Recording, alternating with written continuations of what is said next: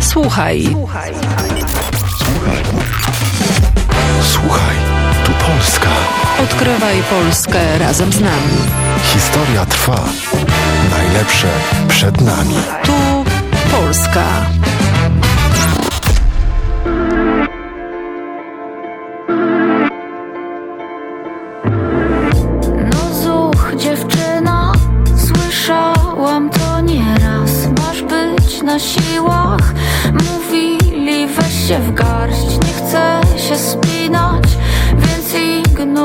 Ignoruję strach Ze sobą mijam się, chodzę gdzie popadnie Chcę do siebie dojść, wiedzieć czym to pachnie. Znaleźć jakiś schron,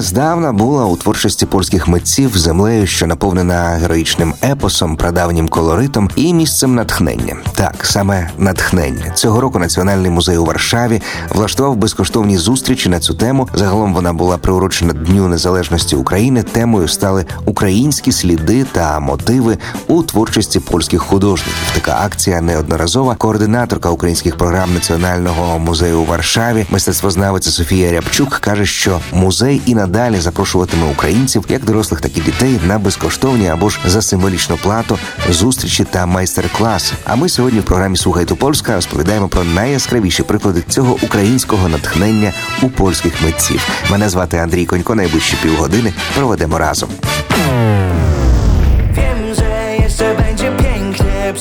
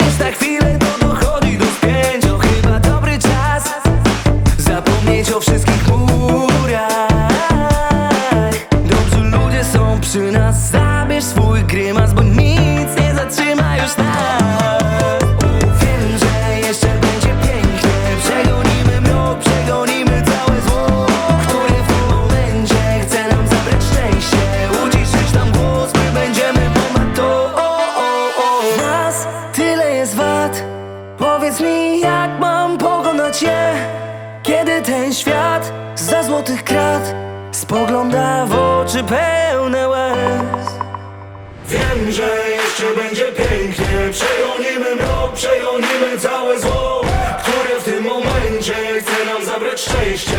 Uciszyć nam głos, my będziemy ponad to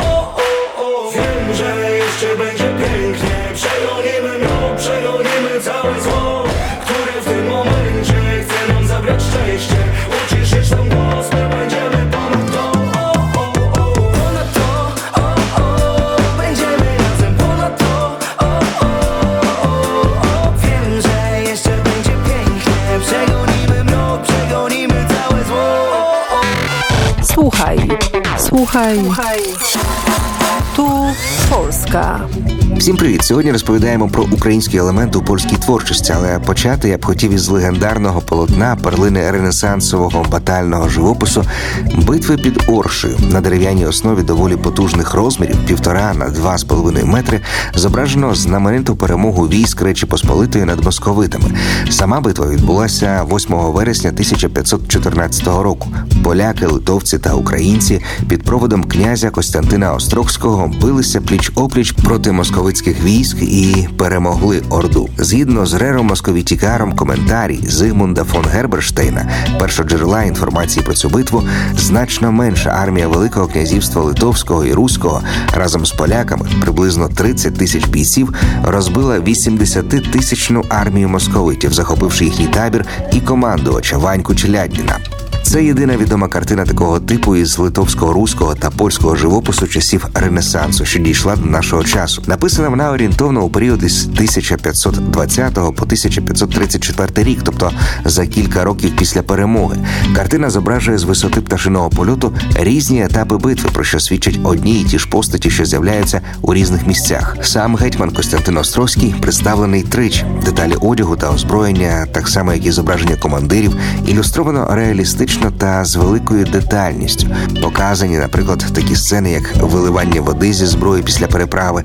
Деякі сцени межують із гротеском, інші підкреслюють жорстокість битви під Оршею. Картина збереглася не цілком. Детальний аналіз показав, що вона була довшою та закінчувалася лінією горизонту. Порушення симетрії свідчить про те, що вона була зменшена у півтора рази по ширині по лівій стороні, через що колони тяжкої піхоти, що складали центр, тепер знаходяться з лівого краю. Історія цієї картини відома мало. Вважається, що увіковічнити перемогу Острогського замовив король Сигізмунд І старий. У другій половині 19 століття цю роботу вже знали у Сілеському музеї художніх промислів і старожитностей у Вроцлаві. Владислав Почеха повідомив, що існує архівний запис про картину, пов'язану з битвою під Оршею, яка висіла в монастирі францисканського монастиря у Кракові ще у 1515 році. Картина сягає часів, коли родина Острозьких була статусом однієї з найвпливовіших на східних рубежах Речі Посполитої і князівства Литовського. Острозькі розмовляли руською, тобто українською мовою, захищали православ'я, дбаючи про університетський розвиток, заснували Острозьку академію, збудували Острозький замок. За їх сприяння та гроші повстало чимало шкіл, притулків, а також церков.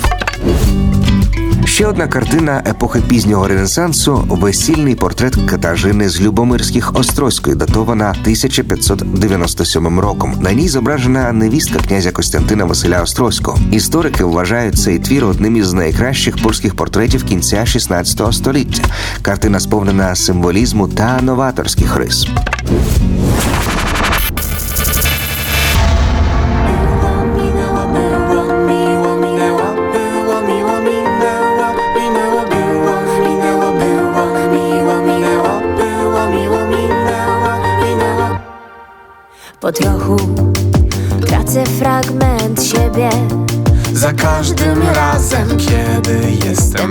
Tobą razem, padam z nóg.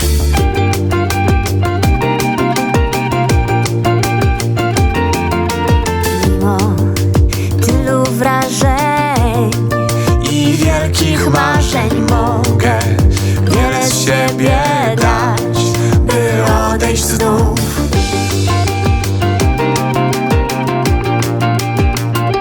Wiem, że słów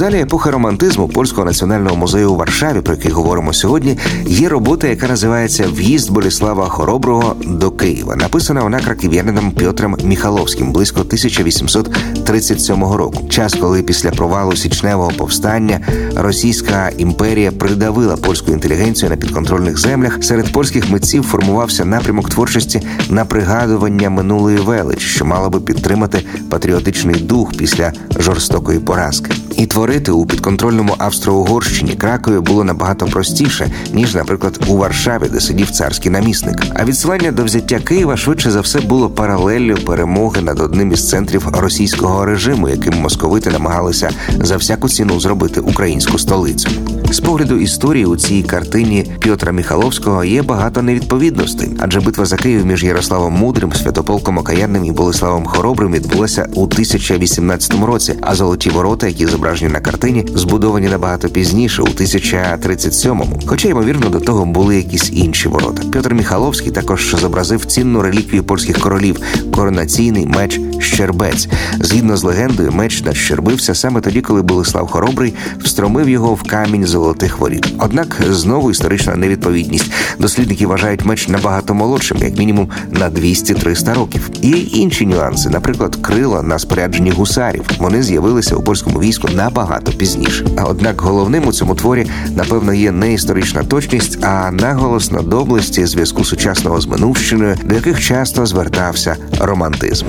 Ще одна батальна картина з українським елементом це битва під Грюнвальдом Яна Матейка, яку він написав у 1875-1878 роках. Це величезне полотно розміром понад 4 метри, хоча й має трагічну долю. Під час Другої світової війни його згорнули і закопали в полях під Любліном, рятуючи від нацистів, подейкують, що гітлерівці полювали за цією картиною. У наші дні це полотно чекала грандіозна і коштовна реконструкція. У битві під Грюнвальдом Ян Матейко зобразив наших знатних земляків чернігівсько-сіверського князя Дмитра Корибутовича, а також дипломата Завішу Чорного, мешканця і володаря земель на Львівщині.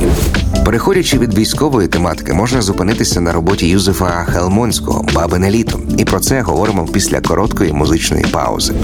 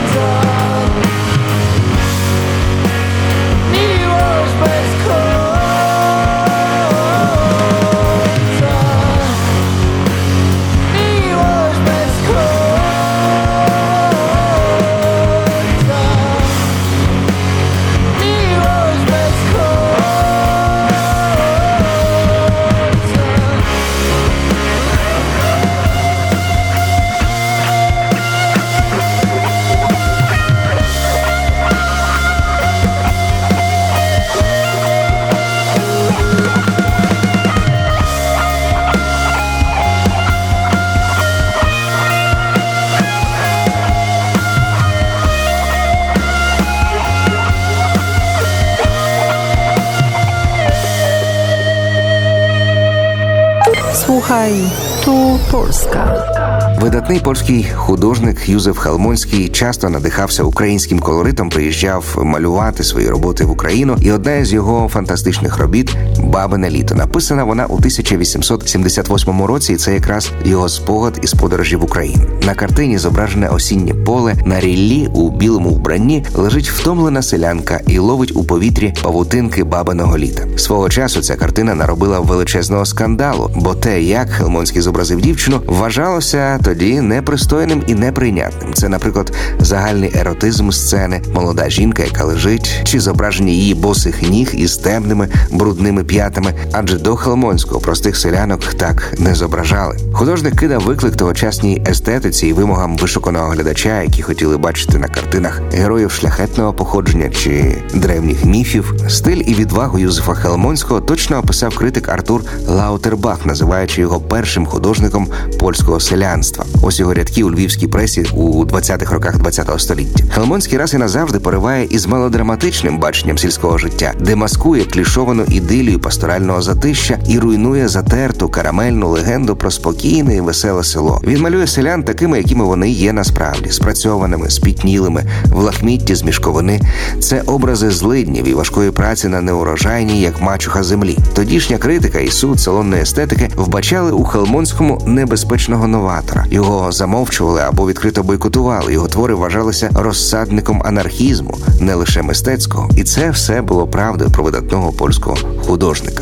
І від Юзефа Хелмонського прямуємо до його друга та учня Леона Вичулковського. Розглядаємо його картини, копання буряків чи рибаки барвисто передають атмосферу тогочасного селянства. Україна чудова, надзвичайно барвиста, скам'яніле море, степ, чари, магнетизує нескінченний простір. Вночі я виїжджав у степ і до ранку не міг насититися, не міг збайдужіти до краси природи. Писав про своє перебування в Україні польський художник Леон Вичулковський. Він любив світло, накладав барви подібно до французьких імпресіоністів. На його картинах так багато контрастів світла, біле ранкове, жовте вечірнє. Він захоплювався українською природою і її мешканцями, які свій стиль життя прилаштували до природи. Вичулковський так часто відвідував Україну, що сумарно прожив у ній років 10 свого життя. Він жив на Поділлі, у Білій церкві, навчався у Варшаві та Парижі, але казав, що його живопис походить не з Парижу, а з України.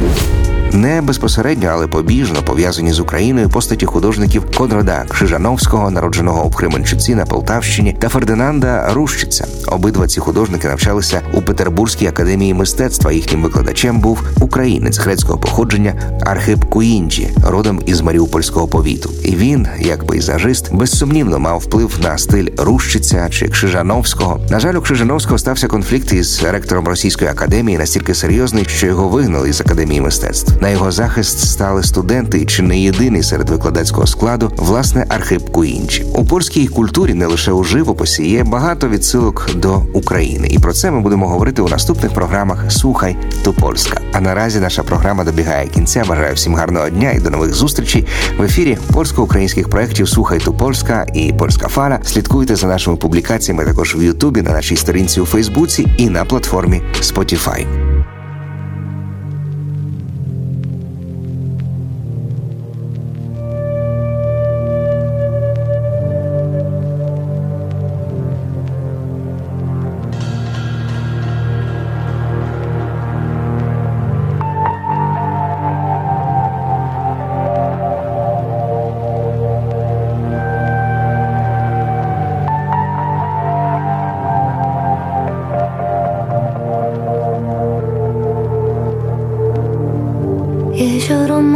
Zapach i twój smak.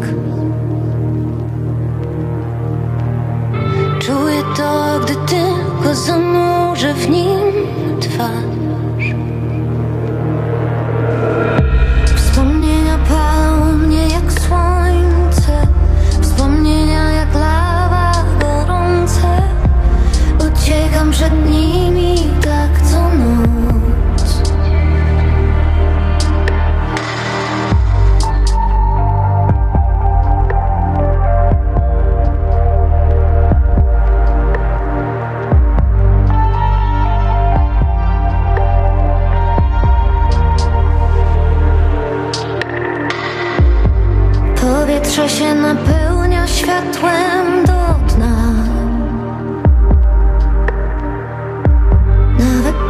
wiesz bardzo, jak bardzo mi cię brak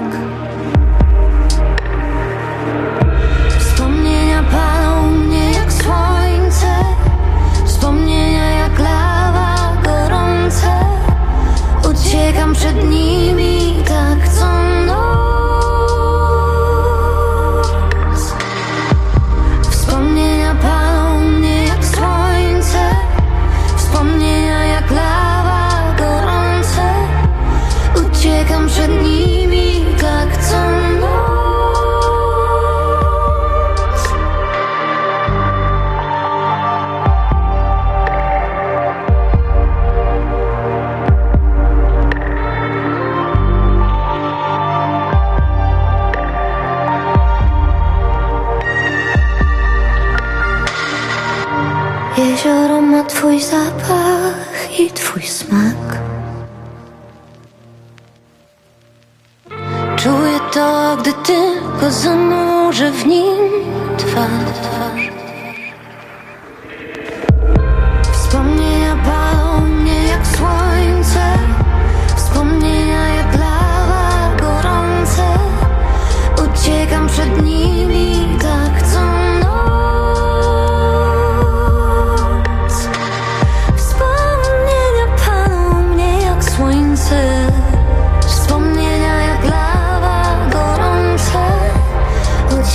等你。